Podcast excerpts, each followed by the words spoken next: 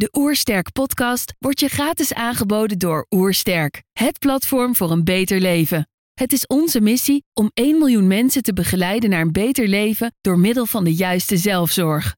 Wil je weten hoe jij kunt werken aan een beter leven? Ga dan naar www.oersterk.nu slash gezondheidscheck voor onze gratis gezondheidscheck en krijg direct jouw uitslag met persoonlijk advies. Mijn naam is eh, Wim Tilburgs en je luistert naar de Oersterk podcast.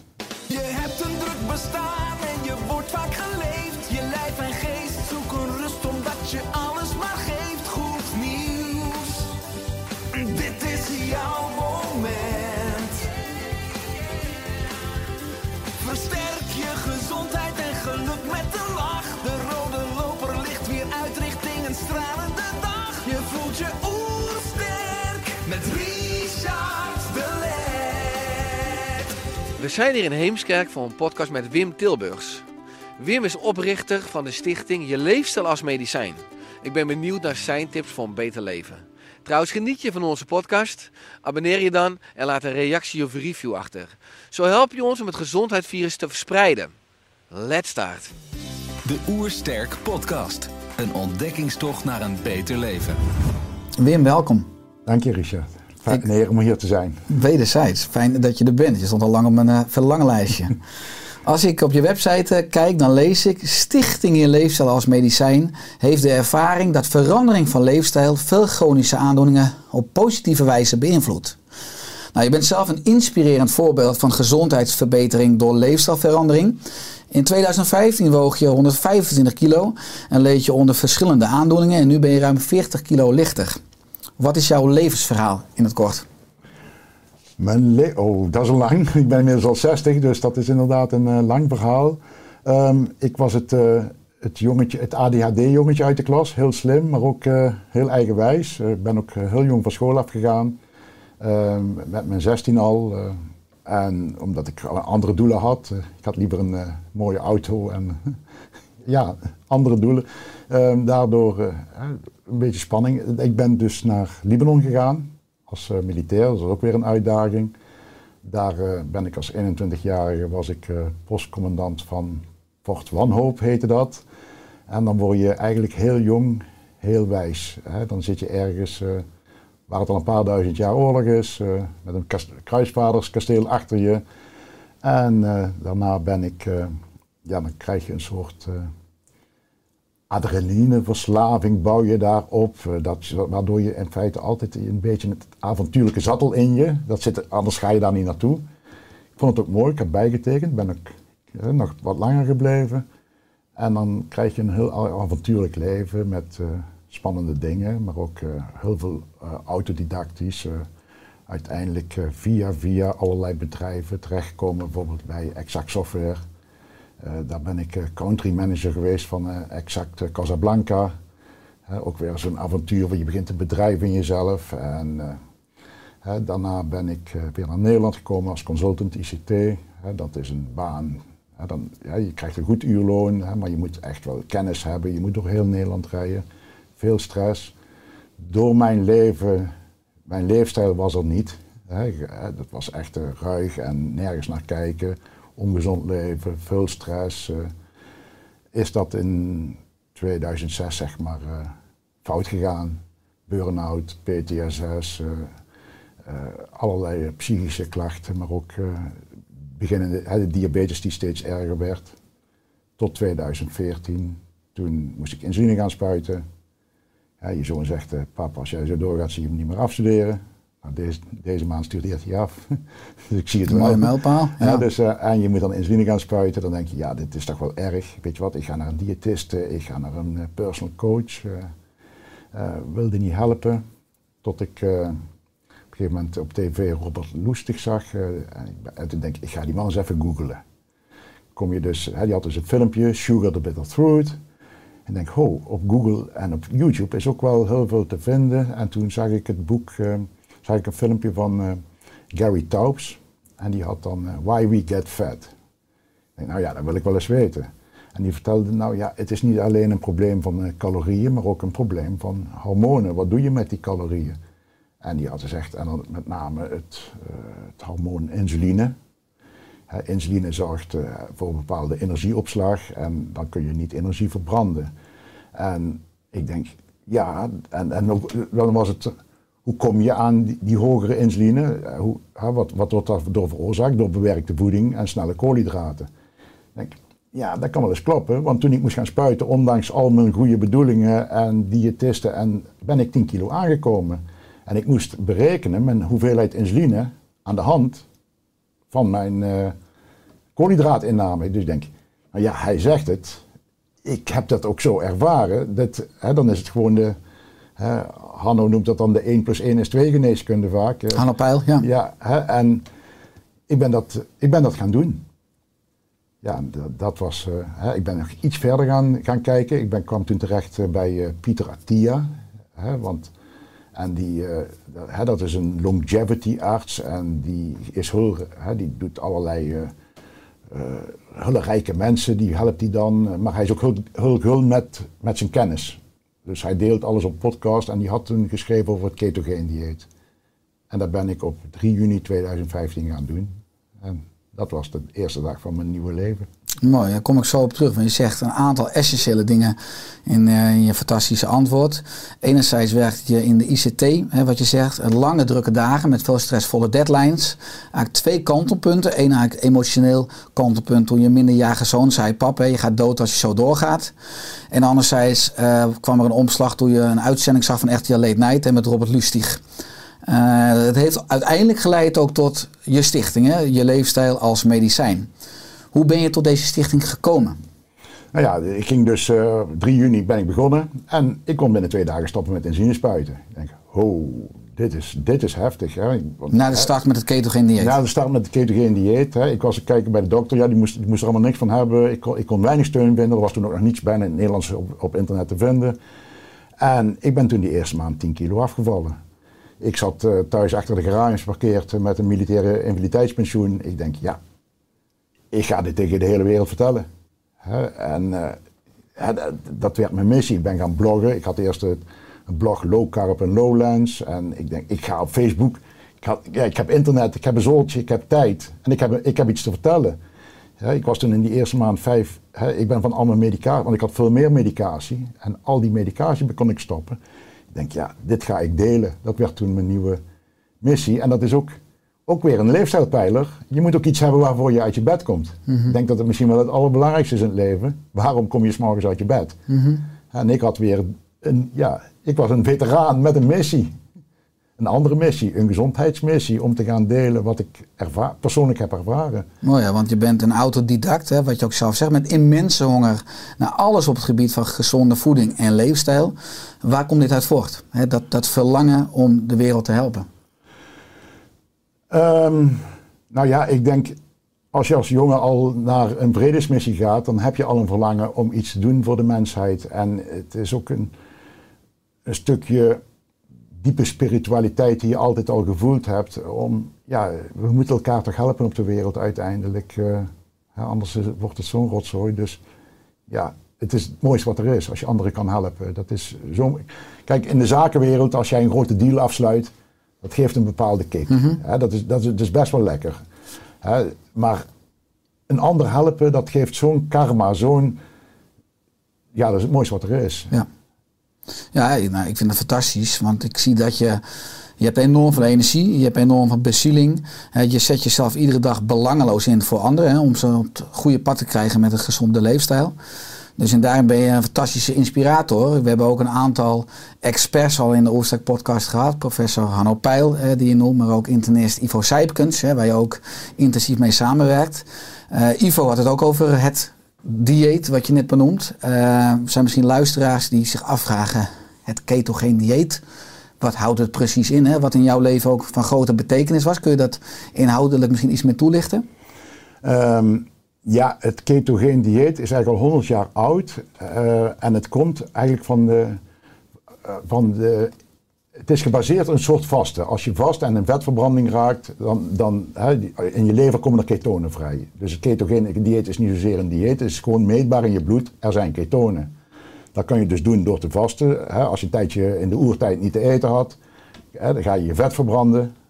En dat bleek dus, in, in 100 jaar geleden hadden ze dat gevonden voor kinderen met epilepsie. Dat kon je dus ook die ketonen krijgen als je een bepaalde voedingspatroon had waarin je erg laag in de koolhydraten ging zitten, hoog in de vetten en, en wat matig in de eiwitten.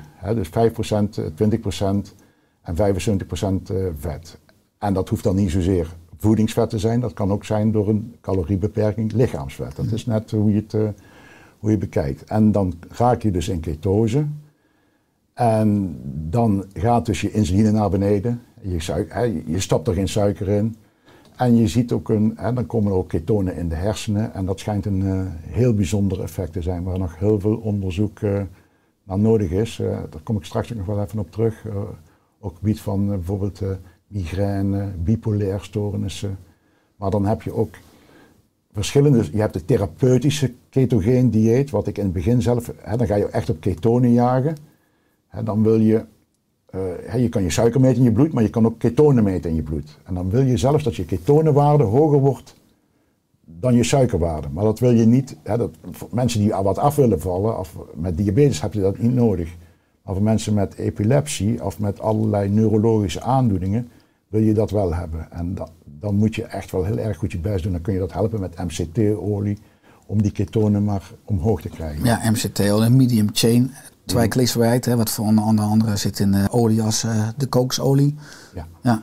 ja, want het is interessant wat je zegt. Uh, je was diabetes, diabetes type 2. Je ging naar ketogeen. Uh, iets waar veel artsen nu, maar ook vroeger zeiden, oei, oei, pas op, en zou je dat wel doen? Want er zijn natuurlijk ook enorm veel uh, artsen en een stroming die zei als je diabetes hebt, moet je vaak per dag eten en vooral koolhydraten eten, je bloedsuiker stabiel houden en het ketogeen staat er eigenlijk haaks op.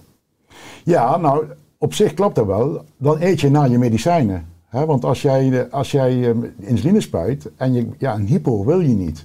Hè? Dus als jij uh, zwaar, hele zware diabetesmedicatie hebt, dan hebben ze je liever wat hoger in, in, je, in je suiker om, om maar die hypo te voorkomen. En dan moet je wel wat vaker gaan eten. Want ja, een hypo, daar wil uh, natuurlijk niemand. Ja, te lage bloedsuiker en hypoglycemie, ja. ja. Want als je kijkt naar de stichting, hè, die heeft als doel om de zorg te helpen veranderen. En er staat, de patiënt staat echt centraal en weer aan het roer van zijn eigen gezondheid. Zie je dit ook steeds breder gedragen worden in de zorg? Ja, ja. we zien die, die beweging. Uh, uh, toen ik in 2015 begon, waren de dokters die dit deden echt op één hand te tellen. De eerste dokter die ik eh, tegenkwam was eh, Hans van Kuik, sportarts. En die, die, die was net eh, in Zuid-Afrika geweest. Die zag diezelfde movement in dezelfde tijd. En ook de eerste lezingen heb ik toen ook samen met Hans van Kuik mogen geven. Want ik heb altijd me willen conformeren aan wetenschap en aan de medische wereld. Dat vond ik echt heel belangrijk. Dat we niet een of andere hippe alternatieve beweging zouden worden, maar dat we ons echt konden gronden in, in de wetenschap. Ehm, daarna ben ik, uh, heb ik uh, Hanno Peil leren kennen. En Hanno Peil had in feite hetzelfde verhaal als wat ik had. En samen optreden, ik als patiënt en Hanno als wetenschapper, ja, dat, dat was heel erg succesvol. En tegelijkertijd heb ik toen ook Ben van Ommen leren kennen van TNO die samen met Hanno het uh, Nederlands Innovatiecentrum voor Leefstijlgeneeskunde hebben opgericht. Daar hebben we elkaar ook uh, gezien. Hè, Op bij congres, het eerste congres, congres, zeker. Ja. Hè, toen mocht ik ook, uh, ja, dat was voor mij ook een hele eer om daar te mogen zitten. Geeft mij natuurlijk ook een, een boost hè, als, als stichting en als, hè, dat je geloofwaardig bent. Mm -hmm. Mensen zitten ook in mijn raad van advies. Ja. en dan zie je dus ook het Nederlands Innovatiecentrum voor Leefstijlgeneeskunde timmert hier behoorlijk hard voor aan de weg. Ja. Je ziet dat ook steeds groter worden. Je ziet uh, Vereniging Arts en Leefstijl. Uh, ik heb recentelijk weer al de tweede keer een lezing mogen geven samen met Ivo bij uh, Studenten Leefstijl. Dus leefstijl leeft. Ja, als je het hebt over letterlijk dat Ivo of Hanno kunnen natuurlijk presentaties geven met wetenschappelijke publicaties en met allemaal theorie. Maar jij staat er dan naast als levende bewijs hè, dat het mogelijk is. Hè, dat je letterlijk kunt genezen hè, duurzaam met leefstijl wordt ook veel gebruikt, natuurlijk jouw casus, door nou, artsen en experts op congressen en symposia. Hoe is dat voor jou? En, en streelt dat enigszins je ego? Um, ja nee. Ja, ergens wel. En ik, vind het ook, ik, wil, ik wil gewoon dat mijn boodschap naar buiten komt. En het maakt me niet uit hoe. Of ik, daar, dat kom ik, mee, ik ben er al mee op tv geweest, in de krant staat. Het maakt me niet uit. Hè. Ik wil gewoon deze boodschap dat die landt. En ik, hè, al moet ik daar in mijn blote buik gaan staan op tv, ik ga al mijn bloedgegevens eh, delen met de hele wereld. Ik wil dat die boodschap eruit komt. eh, en ik, dat, dus ik vind het niet erg. Ik vind het prima. Ik, ik heb ervoor gekozen om die publiciteit te zoeken. Bewust. Als je het omdraait, hè, je bent door Robert Lustig in 2015, die je dan voor mij zag bij RTL Late Night, ben je autodidactisch een pad opgegaan. Vind je het jammer dat je dat in die jaren daarvoor als diabetes nooit die informatie hebt gekregen vanuit de reguliere geneeskunde of vanuit een leefstijlcentrum of vanuit, bedoel, je hebt zelf de antwoorden moeten vinden, je hebt het niet aangereikt gekregen en nog steeds vandaag allerlei patiënten met diabetes type 2 die de eh, overtuiging hebben van de arts, nogmaals dat heb je en dan zit je hele leven aan vast aan medicatie, komt er niet vanaf. Er is nog niet regulier zo'n hele sterke tegenbeweging en zeker niet preventief om te voorkomen dat mensen diabetes type 2 krijgen. Nou ja, wij zijn een grassroot movement. Hè? En wij voeden de artsen op. En ja, dat klinkt misschien heel erg eh, uit de hoogte. Maar ik bedoel, toen ik in 2015 begon, Ivo Sijpkes was nog een echte medicijnman. Hè, die heb ik op een congres ontmoet waarin hij dus, waar ik hem min of meer heb kunnen overtuigen. En dat zijn nu, dus je ziet dus dat die patiëntenbeweging kan erg veel betekenen. En, De eh, revolutie van onderaf dus. ja. Hè, en, dat, en dat zien we zo steeds meer. En al- als ik dan voor mezelf kijk, ik, eh, ik zat dan bij zo'n dia- eh, je zit bij de POH. Eh, ik wil eh, goede zorg. En laten we vooropstellen dat ik diabetes kreeg, dat lag niet aan de dokter, dat lag aan mezelf. Mijn leefstijl, ik, ik leefde erop los. Ik had echt totaal van God los alles fout gedaan wat er fout te doen was. En ik wist als ik naar de dokter ga, meneer, u moet, meer gaan bewegen, u moet minder gaan eten, u moet afvallen. Dus je ging maar niet naar de dokter. Dus dat kan ik hem niet verwijten. Wat ik wel erg vond, dat op een gegeven moment, dan ga je naar je krijgt een missiedrang. Je wordt gezond en je wil dat gewoon, dat zie ik overal bij onze mensen. Als, gauw- als jij ervaart wat dit doet, dan wil je dit ook gaan delen. Op feestjes, bij je familie. Nou, die missiedrang is bij mij dan misschien wel heel sterk, maar dan ga je dus naar zo'n POH toe. Eh, eh, ja, zie je, kijk je wat ik gedaan heb. Ja, maar dat kan, dat kan niemand.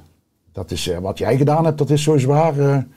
en op een gegeven moment was er eentje die zei, toen kreeg ik op een gegeven moment de term te horen, dik, dom en diabetes. Dat is toch een term die je vaak nog hoort in, die, in, in de zorg. En het is natuurlijk, het, is, het zit ook in wat lager, het zit wat meer in, in, de, in de lagere zit meer diabetes dan in de zes. Niet, niet dat het zo is, dat En het een stelregel is. Sociaal-economische status. Ja, Hè, er zijn ook genoeg zakenlui met een dikke buik zoals ik, eh, die ook eh, magnums eten bij de benzinepomp van stress. Nou, die hebben het ook. Hè, maar het zit vooral, hoe lager, hè, in de Schilderswijk zit er meer dan in Wassenaar. Ehm, maar ja, dat doet dan wel pijn als je zoiets hoort. En dan dat een dokter, een huisarts, hij, hij wist het niet. En dat hij, dat hij me nooit had gevraagd, hé hey Wim, hoe heb je dat nou gedaan?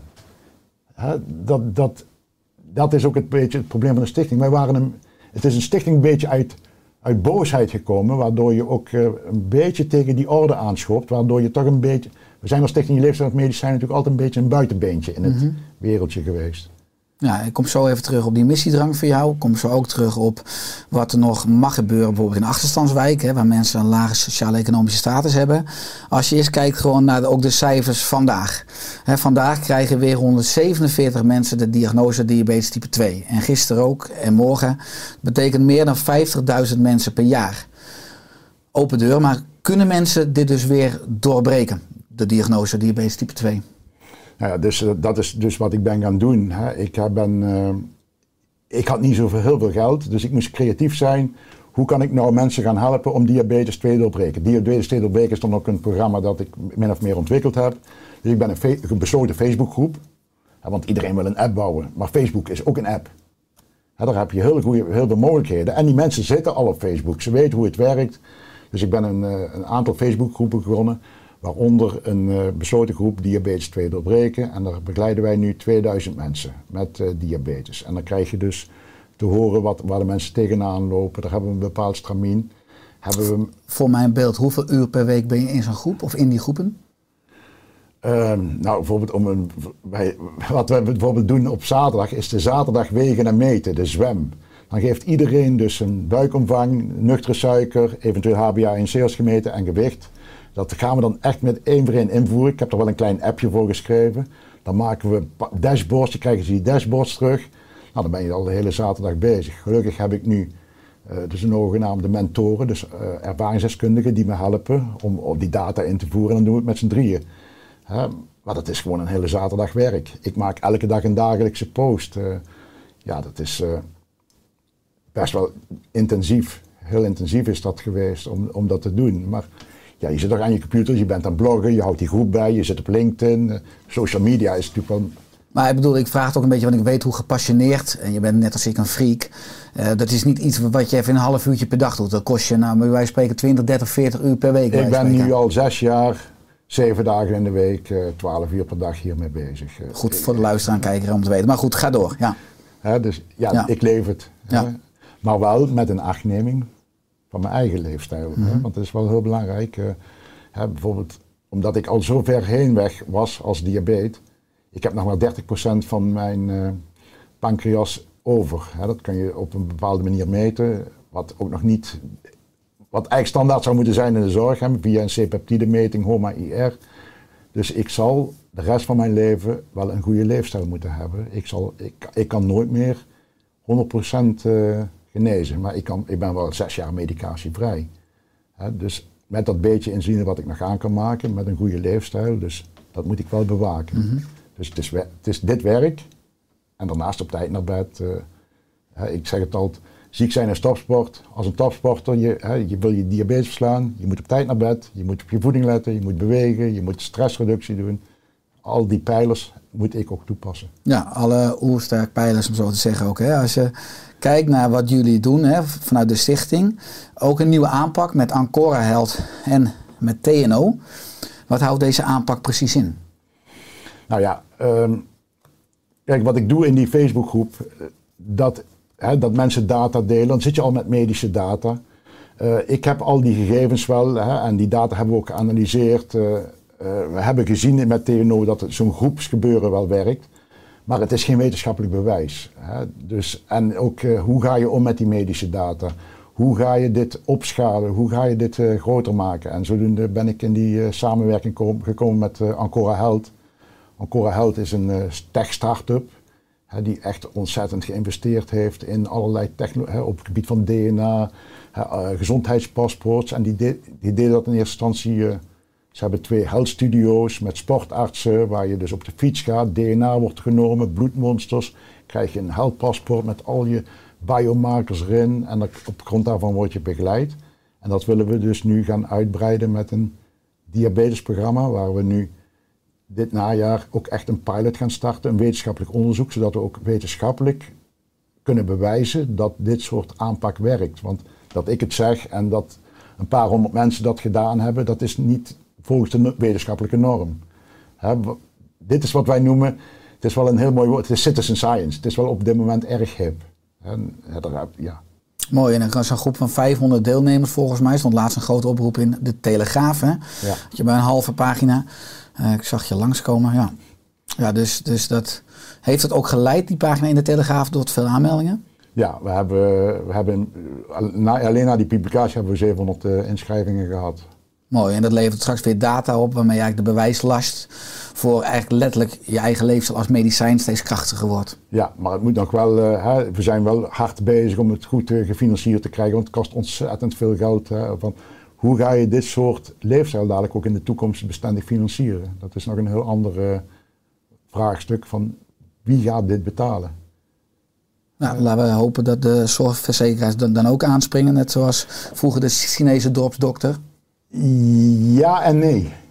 Ja en nee. Eh, ik heb. ehm, eh, er zijn tegenwoordig heel veel van die initiatieven. Hè. Bijvoorbeeld een van die initiatieven is eh, bijvoorbeeld eh, To Diabetes. En daar heb ik, die hebben een, eh, een zogenaamde SROI gemaakt, hè, een Social Return on Investment. En dan zie je dus, waar zitten nou de kosten voor, voor die diabetes? Ja, een stukje zit in die zorgverzekeraar. Maar er zit ook een heel groot stuk bij de werkgever. Er zit ook een heel stuk bij, bij de gemeente. Hè, voor de mensen, het gaat veel breder en ook bij de mensen zelf. Hè, dus wie daar allemaal van profiteert van die diabetes, zijn veel meer instanties. Kijk, het UWV die profiteert daarvan. Het, eh, hè, maar ook een werkgever die profiteert ervan. Ook de zorgverzekeraar profiteert ervan. En de mensen zelf. Het is niet alleen maar een zorgverzekering. Het is een ge- gezondheid moet in een ander potje komen waarin je ook problemen hebt hè, met WMO en allerlei geldstromen die niet meer van deze tijd zijn. Hè, Want dit zijn, hè, de, de ziektes zoals die zijn, die zijn multifactorieel met leefomgeving. Die moet je niet alleen bij een zorgverzekeraar neerleggen, denk ik. Eens, al die domeinen hangen ook met elkaar samen. Hè? Precies. Eh, als je kijkt naar jullie samenwerking, eh, de recent eh, TNO-onderzoek bevestigt dat je leefstijl als medicijn werkt. En wat kwam er precies uit dit onderzoek? Ehm, TNO mocht daarin ook weer, eh, die, die hadden daarin weer bepaalde grenzen in, in het onderzoek. Dus, dus ze mochten niet de bloedwaardes, eh, en ze hebben dus vooral door middel van vragenlijsten, hebben ze gekeken, bereik jij met de groep meer of zonder de groep? Ben jij bereid om data te delen? We hebben wel die mensen bijvoorbeeld allemaal ook een eh, bloedtest thuis laten doen, via, een hele nieuwe manier, dat ze niet meer naar het ziekenhuis hoefden. kwam in de coronatijd nog eens heel goed uit. En, en daaruit bleek gewoon, in die groep kunnen mensen veel meer als dat ze alleen zouden kunnen. In de community. In ja. de community. En ook hè, dat mensen bereid waren om hun gezondheidsdata te delen, die was hoger als bij hun huisarts. En dan zien we dus ook in de groep dat mensen gewoon een kopie maken van hun bloeduitslagen en zeggen, ja, wat moet ik hier nou mee? En dus dan blijkt, ja, we, medische gegevens zijn natuurlijk heel erg eh, geheim, maar sommige mensen willen daar, willen daar ook wel graag advies over hebben. En als ze hier vertrouwen, dan gaan mensen ook om advies vragen.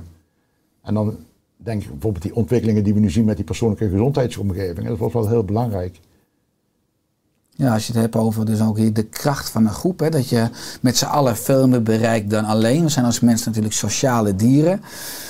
Op jullie website lees ik ook, een gezonde leefomgeving werkt curatief en preventief en is van grote invloed op ieders individuele leefstijl. Jullie werken onder andere samen met stichting Gezond Dorp. Hoe kunnen we onze steden en dorpen gezonder krijgen? Dat is eh, ook meteen het nieuwe, nieuwe project eh, waar ik toevallig gisteren voor heb mogen pitchen. Ehm, we zien heel veel eh, In Helmond. In Gezond Helmond, hè, Gezond Peeland. Dat is eigenlijk het, het, het, het, idee van gezond dorp, nu naar een gezonde stad en uiteindelijk naar een gezond land. En dan zie je, ehm, hè, je hebt dus Hout Holland, dat is economische zaken. Die zijn daarmee bezig met field labs en je hebt eh, allerlei organisaties eh, landelijk hier, die zich hier nu voor inzetten. Om te kijken hoe krijgen we dit nu in de gemeenschap. En ik ben dat dus in Helmond gaan onderzoeken. Daar zitten we nu met de gemeente zitten we aan een soort eh, preventietafel. Het beleid van de overheid is nu eh, plus 5, min 30. Vijf, levensjaar, eh, levensjaren zonder chronische aandoening. Dus als mensen nu gemiddeld op de 47ste of 46ste een chronische aandoening krijgen, willen we dat vijf jaar opschuiven voor 2040. En ze willen min 30. Je ziet dus bijvoorbeeld in de Schilderswijk en in Wassenaar, dan blijkt het, dat je, als je in Wassenaar woont, dat je tien jaar langer leeft dan in de Schilderswijk. Ja, dat is natuurlijk verschrikkelijk in zo'n beschaafd land als Nederland, dat er gewoon op 10 kilometer 10 levensjaren verschil zitten. En dat willen ze dus met 30% verkleinen. Nou, dan moet je dus die wijken in. En ik ben dan eh, in, in zo'n wijk ook gegaan en dan zie je, wat leeft er dan in dat eh, sociale domein? Dat zijn, ze hebben beweegtuinen, ze hebben eh, het ik ben in zo'n wijk gaan kijken, ze hebben een automaatje waar ze mensen naar, die, naar, naar het wijkcentrum eh, proberen te halen. Ze, de bibliotheek doet dingen voor laaggeletterden. Ze, ze gaan samen vissen, ze hebben een klusjes, mensen met een, in het tuintje helpen. Zoveel dingen die daar leven. Maar ja, die, dan, dan, die bereiken die mensen wel, maar die, hebben niet, niet, die weten niet hoe je ook iemand met diabetes hiermee kan helpen. Dus wat, wat we nu belangrijk vinden in, in Helmond, wat we dus nu gaan proberen, is het sociale domein en de leefstijlgeneeskunde te verbinden. En, dat doen en in Helmond hebben we daar de GGD erbij, het ziekenhuis erbij, de buurtsportcoaches. En dan willen we dat, dat, dat denkwerk van Hanno Peil, Hans van Kuik, eh, Ivo Sijpkes, Ben van Nomme, het leefstijlgeneeskunde, want dat is echt iets anders als de huisarts doet mee. Dat is, de leefstijlgeneeskunde naar die wijk brengen.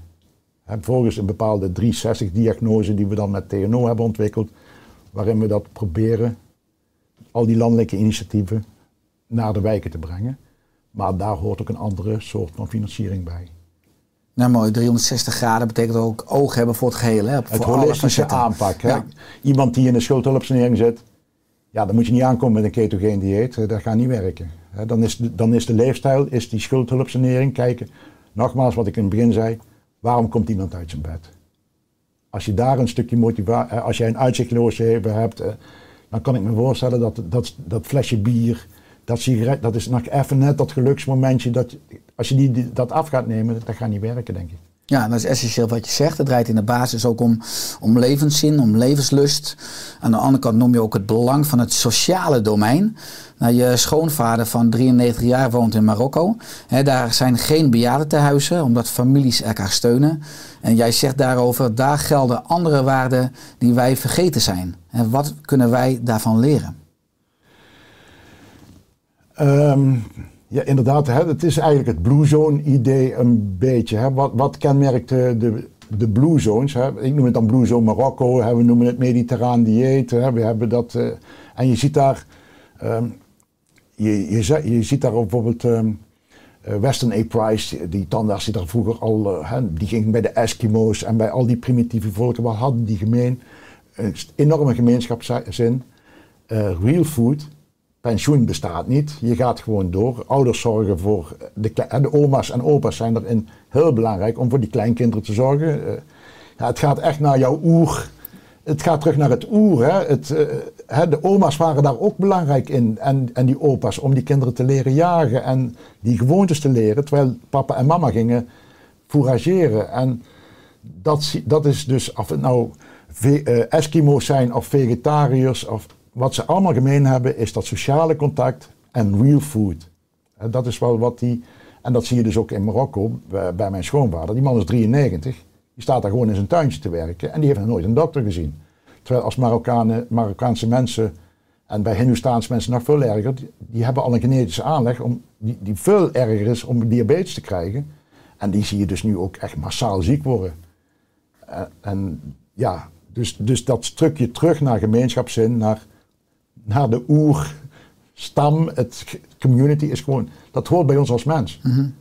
Ja, ja, ik ben het helemaal met je eens. Je had het net ook over eh, je missiedrang. Eh, dat hoor ik ook eh, nou als je praat, die bezieling. Je geeft aan dat je nog maar een deel hebt van je pancreas, je alvleesklier. Hè, en je raakt nooit meer bewerkte voeding aan, las ik. Ook met je missiedrang, maar enerzijds ook met je voedingspatroon. Eh, ben je nog welkom op verjaardagen en feestjes? Worden mensen blij als Wim binnenkomt? Ehm, Of denken ze, oh, daar heb je hem weer. nou ja, je kan ook een heerlijk eh, toetje maken. Nou ja, af en toe denken ze wel, eh, je moet ook niet te veel zenden. In het begin, toen had ik echt het neiging, elke dikke man die ik tegenkwam, die gaf ik mijn kaartje. Ja, daar ben ik mee gestopt. Dat, ik ga, dat ga ik niet meer doen. Ik doe mijn missie en dat doen we ook in feite in onze Facebookgroep. Kom er maar in. En jij ziet, je ziet dan die foto's voor en na. Je ziet dat iemand 10 kilo afgevallen is. Je ziet dat iemand. Maar die intrinsieke motivatie moet je bij mensen. Je moet, je moet niet gaan bekeren en eh, van je kop eraf. Af je, dat moeten we niet doen. Je kan alleen met de mensen meelopen en, en, een inspira en een voorbeeld zijn, maar je moet, ze niet, je moet ze niet gaan. Want dan is het echt. Ach, daar heb je hem weer. Blijf maar weg op je feestje, inderdaad. Dus dat moet je niet doen. Nee, oké, en dat is qua missiedrang, maar ook als je het hebt over. eh, in mijn eerste boek, eh Oer Sterk, uit 2012, schrijf ik al van. eh, als mensen verjaardag vieren en daarmee vier je weer dat iemand hè, een levensjaar erbij heeft. Eh, en als je kijkt wat er op tafel staat, gemiddeld bij verjaardagen, dus eh, taarten van de HEMA, duivens, borrelnoten, eh, zakken chips, dat zorgt over het algemeen voor, schrijf ik in dat boek, dat de kans kleiner wordt dat je weer een jaar ouder wordt. Dat is natuurlijk een beetje cynisch en een beetje ook grappig, bedoel ik dat. Maar op de meeste verjaardagen is het natuurlijk uitdaging om de bewerkte koolhydraten laag te houden, ook als jij daar komt als gast. Of weten mensen al dat jij komt en houden mensen al rekening met je? Of vast je dan gewoon, of neem je een glas water? Ja, ik, ik vast. Of, eh, of je gaat ze ook voor mij. Je gaat toch sommigen gewoon vermijden. Of eh, ja, nu in die coronatijd was het natuurlijk wel heel erg makkelijk om eh, dit soort dingen te vermijden. Maar en desnoods, kijk, als het eens een keer fout zou gaan, dat moeten we, dan moeten we wel voldoende metabool flexibel voor zijn. hè. en daarnaast is er ook een stukje kaas. Je kan ook, je kan ook wat andere dingen nemen. En, eh, eh, het, waarom moet het nou. eh, al die slechte dingen zijn op een verjaardag om het gezellig te maken. Ja, we moeten daar dan echt wel naar een andere mindset, denk ik. eh. Ik ben het met je eens. Het is cultuur ook, eh, ongezonde cultuur, wat we helaas ook al van deel meegeven aan onze kinderen. Als je kijkt ook op basisscholen naar tractatie, ik vind het dramatisch. Maar het is natuurlijk wel zo, als je meer van het goede gaat eten, ga je automatisch minder van het slechte eten. Nou, ik lees dat je vaak al zo'n kilo groente, hè, 1000 gram per dag eet. Heb je praktische tips, ook als mensen luisteren of kijken? Hè? Hoe kunnen mensen nou meer groente eten? Ehm, nou, bijvoorbeeld eh, als het een prijsprobleem is. Want voor, het is best wel. hè, eten is gewoon duurder. Hè, dit- hè, die, die, die, dat fabrieksvoer, dat is gewoon ook. Hè, dat wordt in massa gemaakt en dat is. eh, al die boertjes krijgen er ook geen geld voor. Ja, en de goede voeding is, is een stuk duurder. Ehm, wat je dan kan doen bijvoorbeeld is naar, naar de diepvrieswinkel gaan. En daar kun je dus, eh, en dan kun je lekkere roerbakken, allerlei groenten voor een redelijke prijs. Hè, bevroren bloemkool. Bevroren, is niet optimaal. We kunnen niet allemaal biologisch, biodynamisch, eh, grasgevoerd. Mooi. Maar je, moet, je kan ook, bio, je kan ook eh, van de Lidl af, kan je het ook. Ja. Moet het ook kunnen. Ja. Hè, en het is, kijk, als jij geen, geen vulling hebt, als jij geen, geen brood eet en geen, geen hè, dus je hebt nauwelijks vulling, want dat, hè, de, spaghetti, de rijst, al die, dat is allemaal vulling. En daar doe je dan wat dingetjes overheen, zodat dat eh, verteerbaar wordt. Zo'n spaghetti, ik bedoel, ja, wat is het? Probeer maar eens droge spaghetti, dat smaakt naar niks. Dus dat, dat, is, dat is ook niks. En bonkzetmel, ja. Hè, eh, maar, door hè, maar, maar als je dus geen vulling meer hebt, dan zou je er ergens anders mee moeten vullen. En ik vul dan met, eh, ja, ik, dan is die vulling in feite groente. En het is eigenlijk gewoon heel simpel. eh, groente, beetje eiwit, vetten zitten al vaak eh, van nature aan het vlees. Eh, echt moeilijk is het niet, denk ik. Maar als je het hebt over ketogeen, dan wat je benoemde, minder koolhydraten, meer vetten en beperkt eiwitten. Hoe ziet jouw bord eruit over een dag? Ja, maar ik, ben niet, ik, ben, ik doe niet meer ketogeen. Hè? Nee, ik zeg, maar ook als mensen relatief wat minder koolhydraten mo- mogen eten en wat meer vet of eiwitten, wat zouden mensen kunnen ontbijten of kunnen lunchen of kunnen avondeten? Ook als je kijkt naar jouw voedingspatroon. Hoe ziet dat bord eruit? Ehm, nou ja, ik zal je bijvoorbeeld. ehm, ik ben heel extreem. Ik, ben, ik ben echt leefstijl. eh, gisteren mijn dag. Dan sta ik om eh, vijf uur op. Dan ga, ik, eh, dan ga ik met mijn honden een uur in het bos. Dan houd ik een halve dag met lezingen en eh, workshops. Om één uur ga ik. eh, dan heb ik nog steeds niet gegeten. Om één uur ga ik dan eh, op het warmst van de dag ben ik gaan hardlopen naar een, heel, een heel groot bosbad, een ven. Daar ben ik in het water gedoken om die vitamine D op te denken. Toen ben ik weer hard terug doorgelopen. Toen ben ik om drie uur, vier uur thuisgekomen. En, um, en toen kwam, eh, toevallig was Ivo er gisteren, hebben we een gigantisch leuke la- lamsbout met heel veel groenten gegeten. En als toetje hadden we toen eh, eh, Griekse yoghurt met wat slagroom en aardbeien en bosbessen. Ja, heerlijk en gezellig samen gegeten en dat was mijn dag gisteren. Dus ik doe intermittent fasting, dus ik heb dat probleem met ontbijt, heb ik niet. Maar ik eet wel een gigantisch grote maaltijd. Ik zag jou ook in, ergens in een restaurant dat je zei, is dat allemaal voor u? Ja, als je maar één keer per dag eet, dan wil je wel een... Eens, ja, ik eet niet vaak, maar als ik eet, eet ik heel veel. Klopt. Eh, als je kijkt naar, ik hoor een lamsbout, hoe kijk jij naar een vegetarisch of vegan voedingspatroon? Ehm, nou ja, ik respecteer sowieso eh, de natuur en, en de dieren en, eh, en iedereen die dat doet voor een bepaalde morele dingen. En ik, ik veroordeel echt alle bio-industrie en alles wat we daaraan doen zijn met gif en antibiotica. We moeten echt weer terug naar het kleine boerderijtje. eh, wat, wat we nu zien, bijvoorbeeld die herenboeren. Eh, wat Hans eh, nu in Leende ook doet. Eh, daar zouden we weer terug moeten naar die kleine circulaire landbouw. Maar ik, ik denk dat wij als mens uit de oertijd weer, wij aten gewoon alles wat, wat, wat eetbaar was. Afhankelijk van wat er is. En ik bedoel, in de, in de herfst eet je wat fruit. Dan krijg, je, dan krijg je een beetje buikvet. En dat heb je nodig, daar kun je die strenge winter mee overleven. Ja, en, en dan na die einde van de winter, dan is er niks, alleen maar mager vlees. Want ook dat vlees is afgevallen. Dus dan begin je weer met, dan ga je, dat is het enige wat er dan op dit moment te krijgen is. En- Die natuurlijke cyclus. ja, die natuurlijke cyclus, daar moeten we gewoon naartoe. En ik denk niet dat wij moeten gaan zeggen, hè, wij moeten geen voedingsgroepen uit gaan sluiten. Of eh, eh, koolhydratenoorlog, ik weet niet. Het gaat over, het, het gaat we, we zien ook steeds meer een, een, een verschuiving van dat high fat naar high protein. Eh, hè, dat is meer satiety en dat je veel meer richt op, op micronutriënten. Hè, dus dat je probeert zoveel mogelijk vitamine, mineralen, kleuren in je, op je bord, variatie, oesters, seafood, maximale mi- eh, micronutriënten, eh, goede vulling met eh, goede groenten en een stukje eiwit. Hè, bijvoorbeeld, als jij ouder wordt, vermindert je spieren. Hè, is een soort sarcopenie. Als mensen met diabetes hebben, dubbel zoveel spierverlies. Dus dan wil je spiergroei hebben. Hoe krijg je spiergroei? Dat krijg je door twee stimuli. Dat is door het feit dat je krachttraining doet, of het feit dat je minimaal 30 gram eiwitten eet, waardoor je een, hè, dat, dat groeihormoon aanzet. En ik denk, ik denk dat het wel belangrijk is. En als je die eiwitten uit, uit plantaardig, dan is het een stukje moeilijker. En als je dan diabetes hebt, krijg je vrij veel koolhydraten mee, want het is, komt het uit noten of uit, uit peulvruchten. Ja, dan is dat misschien voor een diabetes best wel een, maakt het je best wel moeilijk. Wat moeten mensen zo praktisch eten voor 30 gram eiwit? Eh, 150 gram kip, denk ik, of zo. of, eh, ja, dat is ook, hè, neem je magervlees of neem je wat vettenvlees. eh. eigenlijk, eh, ik heb op een gegeven moment zo'n opleiding gehad bij die bodybuilders. Eigenlijk snappen ze het wel. Hè. Het is gewoon het, broccoli en het kipfilet. Die, ja, het is wel zeer ja, eiwit met groenten. Laag, hè. Groenten zijn wat lager in calorieën. Ik, ben, ik ben ook niet tegen het feit, calorieën tellen wel. Hè, we moeten niet zeggen dat je, je kan niet afvallen op een kilo roomboter. Dat gaat echt niet werken.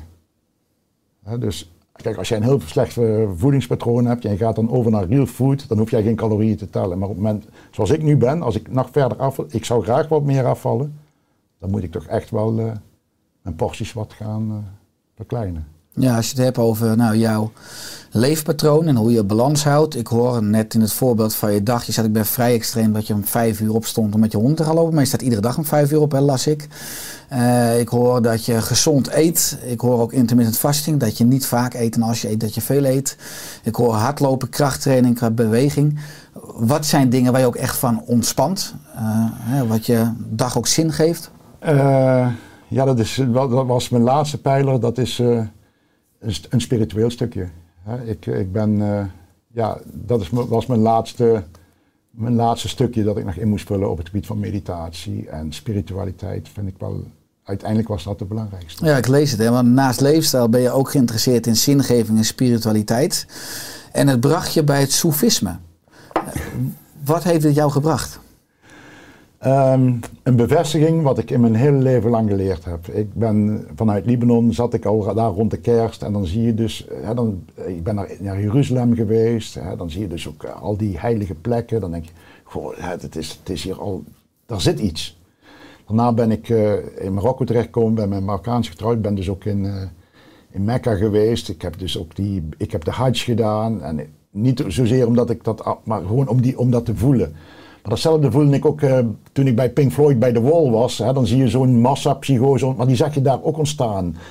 En dan ga je toch ook nadenken over de... En op een gegeven moment, een paar jaar geleden, zag ik een video van, een, eh, van, eh, van, van het soefisme. En ik zeg, nou ja, die man is zo mooi aan het vertellen wat ik al...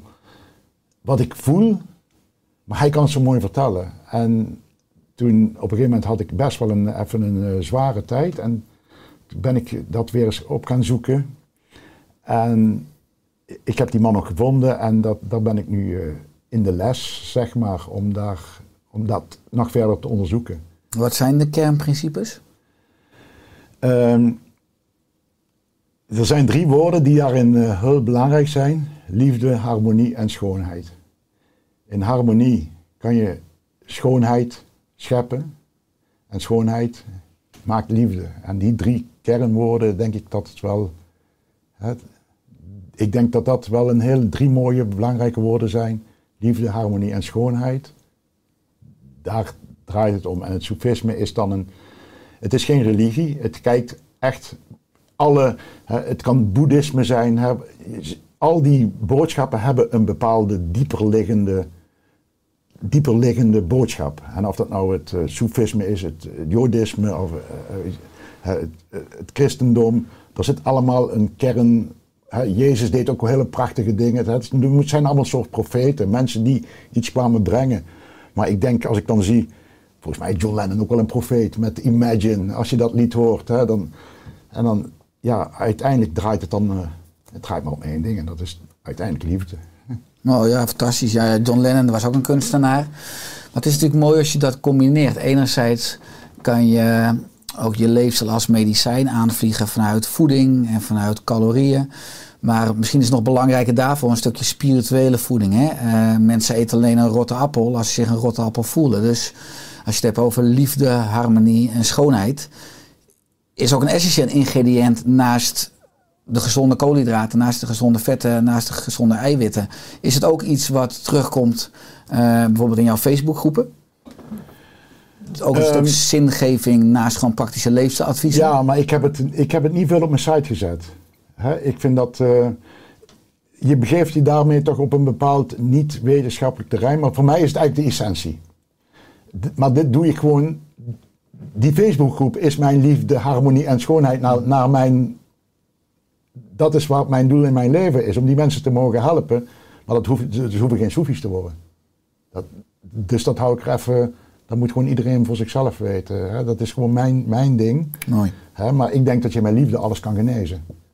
Hè, en alles wat ik doe in mijn groepen, doe ik met liefde. En alles wat je doet met liefde groeit. Punt. En of je nou een tuinman bent die zijn tuin met liefde, dat zie je. Alles wat, hè, als een kind, ik krijg dan, daar krijg ik altijd kippenvel van. Hè, als, als een moeder een kind kust en kind huilt, die geneest met liefde. Ik, ik geloof echt ook in de, in, de helende kracht daarvan. Uiteindelijk. Ik denk ook dat de echte dokter iemand is die gewoon iemand aandacht geeft, iemand naar hem luistert. Eh, het gaat niet om het pillen, het gaat om, om, het contact, denk ik. En ik, zie dat bij hele goede artsen, die, die zien dat ook. Die, die, die kijken naar mensen en die zien iets. Ja, daar geloof ik echt in. Nou ja, die, die hebben liefde voor de mens en liefde voor, voor een vak en die combineren uiteindelijk die liefde ook weer richting eigenlijk het prikkelen van het zelfherstellend vermogen, waar liefde de krachtigste activator van is. Ja, ja. En, en dan leer je natuurlijk ook een stukje. ehm, wa- wat je dan leert, bijvoorbeeld, eh, we, mo- we moeten leren mediteren. Ik mediteer in de ochtend, hè, dat heb ik dan nu geleerd. Nou, dat was het moeilijkste wat er is. Hè. Je moet, ehm, wat je dan zegt, er zit iets in, iedereen heeft een straaltje, energie, ziel, eh, li- eh, eh, maakt niet uit, maar dat zit heel diep. En daar hangen sluiers omheen sluiers, want je kan niet in één keer in de zon kijken. Dan moet je ook eerst, hè, via het water kan je dat wel. Er zit een en die sluiers die zitten in jezelf. Maar die sluiers, dat, hè, dat noemen ze dan nefs. Dat is een Ara- Arabische term. Dat zijn de verleidingen. En in de leefstijl, wij hebben continu zitten wij in die strijd met die verleidingen. Die verleiding om die, om de, om die slagroomtaart te eten. Dus de verleiding om te blijven zitten. En je moet die nerves die, die jou proberen van die binnenkant, die moet jij ook eh aankunnen. Dat zijn, dat, zijn, dat zijn sluiers die, overheen, die je moet overwinnen. Dat, ja, het is heel moeilijk uit te leggen, maar het werkt wel. Het, het, het is wel de essentie van de leefstijlgeneeskunde ergens. Ja, mooi. Ik ben het met je eens. Als je het hebt over eh, die liefde, eh, liefde voor de mens, liefde voor de wereld. Dat zie ik ook terug eh, met je vrouw Saida. Je hebt samen met je vrouw ook plannen om leefstijlinterventies in achterstandswijken toe te passen. Omdat veel mensen daar afhankelijk zijn van de voedselbank. En daar zelden verse en onbewerkte voeding wordt aangeboden. Toch zeg je, in die wijken moet je eigenlijk eerst beginnen met schuldsanering. De mensen leven daar al ongezond door de stress. Eh, wie gaat naast jou deze mensen redden? Eh, nou ja, dat zijn we dus nu in, eh, in Helmond eindelijk begonnen met het preventieakkoord. Daar hebben we echt eh, 70 of 80 partijen hebben dit ondertekend. En, en daar zat bij de GGD, de huisartsen, het ziekenhuis. Nou, eigenlijk de hele samen... We hebben er iets, iets unieks geschept, eh, daar, daar gemaakt in Helmond. eh, waar al die partijen nu samen... De bibliotheek gaat meedoen. eh, de wijkcentra. de, de scholen. iedereen wil nu mee gaan doen, maar om het nu te gaan bundelen, om dat te gaan coördineren, dat zal nog wel een, een hele klus worden. Maar dat, dat is wel mijn nieuwe, mijn, mijn nieuwe dingetje. Om, om dat, hè, nu dat diabetesprogramma naar eh, Ancora kan gaan, kan ik me wat meer, juist in die lage 6, waar je dit, hè, wat, je, je hebt dat ook artikel, die, die, die mooie leefstijlprogramma's, die komen niet in die wijken. Hoe kunnen we die mensen langzaam toeleiden, helpen, langs ze lopen, om te kijken hoe we die mensen ook kunnen gaan bereiken. Ja, eens. Dan een soort blauwdrukvormen die weer in andere steden, dorpen uiteindelijk als een soort gezondheidsvirus letterlijk door Nederland en misschien later de wereld gaat. En dan eh, natuurlijk met jouw eh oersterk coaches die over heel Nederland zitten, die kunnen daar. eh, ik had vandaag nog een gesprek met eh, een van jou, eh, met Gerry, de oersterk coach, die ook dit voelt. Om dit, hè, die zit, er ook, die geeft, zit op de Pedagogische Academie. Die zegt, ja, wij willen ook dit gaan brengen in. En dan zie je ja, die, die, die beweging die jij ook gestart bent en die wij gestart zijn, die is niet meer te stoppen. Die is niet meer te stoppen. Nee, eens, Daar ben ja. ik echt. eh, Ja, en dan heb je het over Gerry van Deurne, hè, die eh, diabetes type 1 heeft en uh, Oerster coaches en ook samenwerkt met jou. Dus fantastisch hoe we uiteindelijk zo bruggen kunnen bouwen, maar zo kunnen we samen de wereld mooi eh, maken. Ja, want dat zie je dus ook. Kijk, we hebben het nu over diabetes, maar wij hebben dus leefstijlgroepen voor mensen met bipolair. Je, ze hebben mensen, diabetes type 1 blijkt het dus ook te werken. Eh, je hebt ook eh, mensen met eh, psoriasis. We hebben mensen met inflammatie IBD. We hebben veel meer leefstijl, hè, migraine. En dat zijn allemaal weer nieuwe communities die we aan het bouwen zijn, waar we ook een wetenschapper bij zijn, waar we ook. Het is zoveel meer. Hè. 60% denk ik, ja, jij weet het zelf ook, 60 tot 70% van de mensen die bij de dokter komen, hebben een leefstijlgerelateerde aandoening. Ja.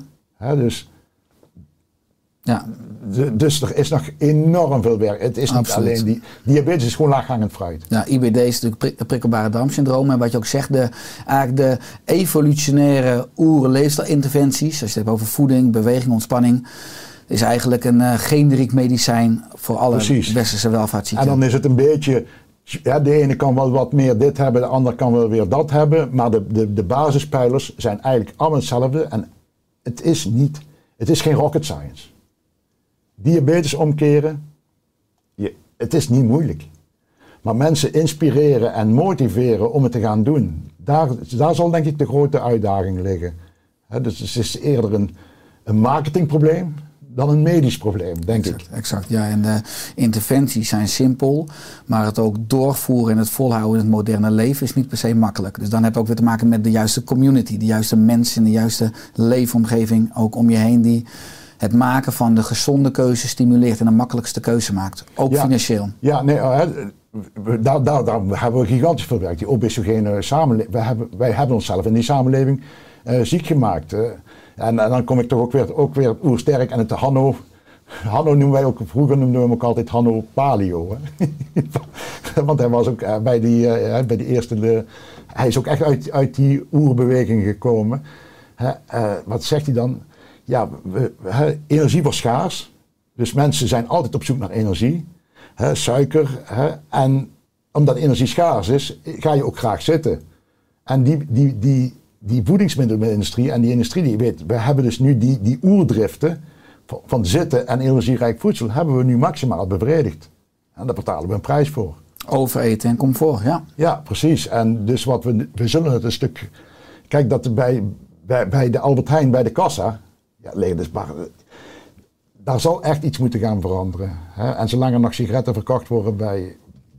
Ja, dat, maar dat moet de regering doen. Dat kunnen we. Maar we kunnen, wij stemmen wel, hè? Ja, eens. Nou ja, ik vind het ook onethisch. Het is interessant dat er maatschappelijk veel bewustwording is over roken, over alcohol, maar over suiker en ongezond voedsel.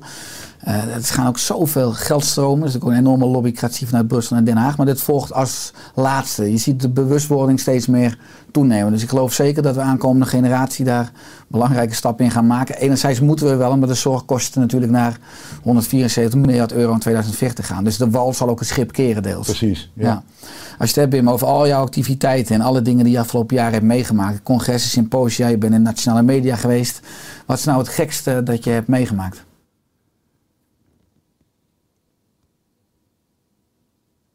Eh, Wauw. Eh, nou, eigenlijk het gekste is dat ik, dat ik na zes jaar. Dat het, nog, dat, het nog, dat het zo lang geduurd heeft. Dat het echt. eh, we zijn aan het roepen. En, en waarom luisteren? Ik, snap, ik snap het eigenlijk niet. We weten gewoon de oplossing. Waarom moeten we nog weer een onderzoek doen? Laat ons nou eens met z'n allen gewoon aan gaan pakken. We weten hoe we diabetes moeten doorbreken.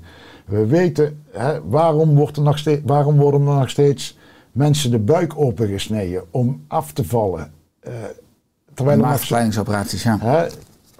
Ik kan, het was ook mijn optie. Ja, ik kan me nog steeds niet begrijpen dat dat, dat, dat, dat kan. Dat dat 12.000 euro mag kosten. Om, hè, neem dan iemand mee naar een gezondheidscentrum om hem daar te leren. Neem, hem dan, kun je voor een fractie van die prijs, zonder die mensen... Als je toch bereid bent om je buik open te laten snijden. Ik bedoel, als wij zo bestemd waren om geboren te worden met een, met een kleinere darm, hadden we zo geboren geworden. Ja, hè, zoeken weer, we zoeken weer die medische oplossing. Ja, ik snap dat niet.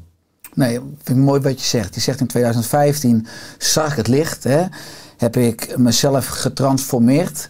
eh, ben ik radicaal gezonder geworden en genezen van mijn diabetes type 2. En PTSS en allerlei andere aandoeningen. Ja. Die, hè, dat, het zat veel dieper. Hè? Ja, goede toevoeging. Eh, en eigenlijk in die zes jaar is er nog maar zo verdomd weinig veranderd. Eh, Frustreert dat enerzijds? Is het makkelijk om dan die bezieling en die energie te blijven houden?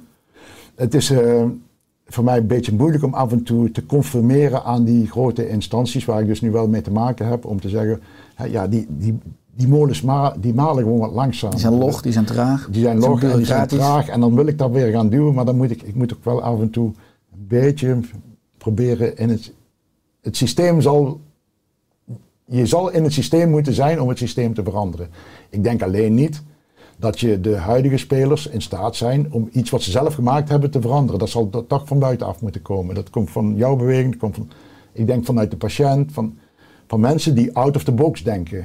Je moet niet van, bi- van binnen kan het ook wel veranderen, maar daar denk ik toch echt wel dat er ook andere spelers bij nodig zijn. Nou, mooi als we het daarover hebben. Wat is je missie of je droom voor aankomende jaren? Ehm, mijn droom is eh, dat de stichting eh, bijvoorbeeld. Ik zou graag een patiëntenorganisatie worden. Waarom? Je hebt bijvoorbeeld. De, je hebt, eh, die doen heel goed werk. Je hebt de Hartstichting, je hebt de DVN, en je hebt, eh, eh, je hebt een ziekte voor eh, MDL. En je hebt allemaal. Het is eigenlijk hetzelfde als bij het ziekenhuis. Je komt aan die deur en dan snij je ze in stukjes. Een stukje gaat naar de cardioloog, een stukje gaat naar de nefroloog, een stukje gaat naar de neuroloog. En dat zie je ook bij die patiëntenbewegingen. Terwijl bijna iedereen met diabetes heeft het ook aan zijn hart. Bij welke club moet ik nou lid worden? Bij de Hartstichting of bij de Diabetesvereniging? Ja, bij de, en, dat, dus ik wil meer ook, ook, ook die patiënten, dat moet veel holistischer worden. Dus er moet ook een patiëntenorganisatie komen voor mensen met leefstijlgerelateerde aandoeningen. Die daarin hun stem kan laten horen. En dat zou nog wel een, eh, een droom zijn dat we de, als de stichting die, die organisatie zou mogen worden. Waardoor we ook faciliteiten krijgen van een patiëntenvereniging. Waardoor je ook middelen krijgt. Hè, want wij hebben alles zonder geld moeten doen. Ja, alle- allemaal met donaties. We hebben nog nooit ja, subsidies en dat soort dingen gehad. Mooi. Als mensen ook luisteren of kijken en denken, jeetje, die Wim Tilburg, wat een inspirerende kerel, want dat ben je. Eh, maar ik wil ook graag met liefde wat doneren, dan kan dat. Ja, ja, op de website. De website, een, goed. eh. Goed zo. Eh, is er aan het einde van de podcast nog iets dat je wilt toevoegen? Nou, in ieder geval eh, fijn dat we samen dezelfde missie mogen hebben. Ik bedoel, ik zie, ik zie jouw missie, met, ik onderschrijf hem en ik zeg, laat ons samen, samen sterk. En dat zien we dus heel veel in die leefstijlwereld. Het is erg ieder voor zich. Terwijl, terwijl we eigenlijk samen, we hoeven niet bang te zijn dat, dat er concurrentie is. Bijvoorbeeld hè, met diabetes of met leefstijlprogramma's. Er zijn genoeg diabetes. Hè, gaan we nou niet elkaar de vliegen afvangen, maar laat ons samen dit, dit op gaan pakken, zodat we die doelstelling. we hebben al genoeg tegenkrachten vanuit eh, de farmaceut en vanuit de voedingsmiddelenindustrie. Dat, die moeten wij niet versnipperd aan gaan pakken. Dat is wel een, dus een oproep tot samenwerking van iedereen die dit doet. Ja, graag. Mooi, ik ben het helemaal ermee eens. Eh, bruggen bouwen samen. Niet vanuit schaarste en vanuit angst, maar juist vanuit overvloed en vanuit liefde. Hè? Dat, wat ook terugkomt in deze podcast. Waar kunnen mensen nou meer vinden over jou, over de stichting? Waar kunnen mensen doneren? Je leefstijl als medicijn.nl. Mooi. Wim, dankjewel voor je komst in de Oerstek podcast. En, Dank, eh, dankjewel dat ik er mocht zijn. Eindelijk na heel wat mensen voor mijn raad van advies, dat ik er zelf ook mocht zijn. Natuurlijk, uiteraard, met liefde. En ik heb genoten van je wijsheid, van je liefde. Ik hoop oprecht dat we samen, alle twee op onze eigen vierkante meter, nog veel mooie bruggen mogen bouwen, bewustwording mogen vergroten. En ook met eh, enorm veel eh, bezieling ervoor mogen zorgen dat Nederland, België en de wereld bewuster wordt, gezonder wordt, vitaler wordt. En eh, dat alle mensen uiteindelijk hun levensstijl gaan gebruiken als medicijn. Inshallah. Dankjewel.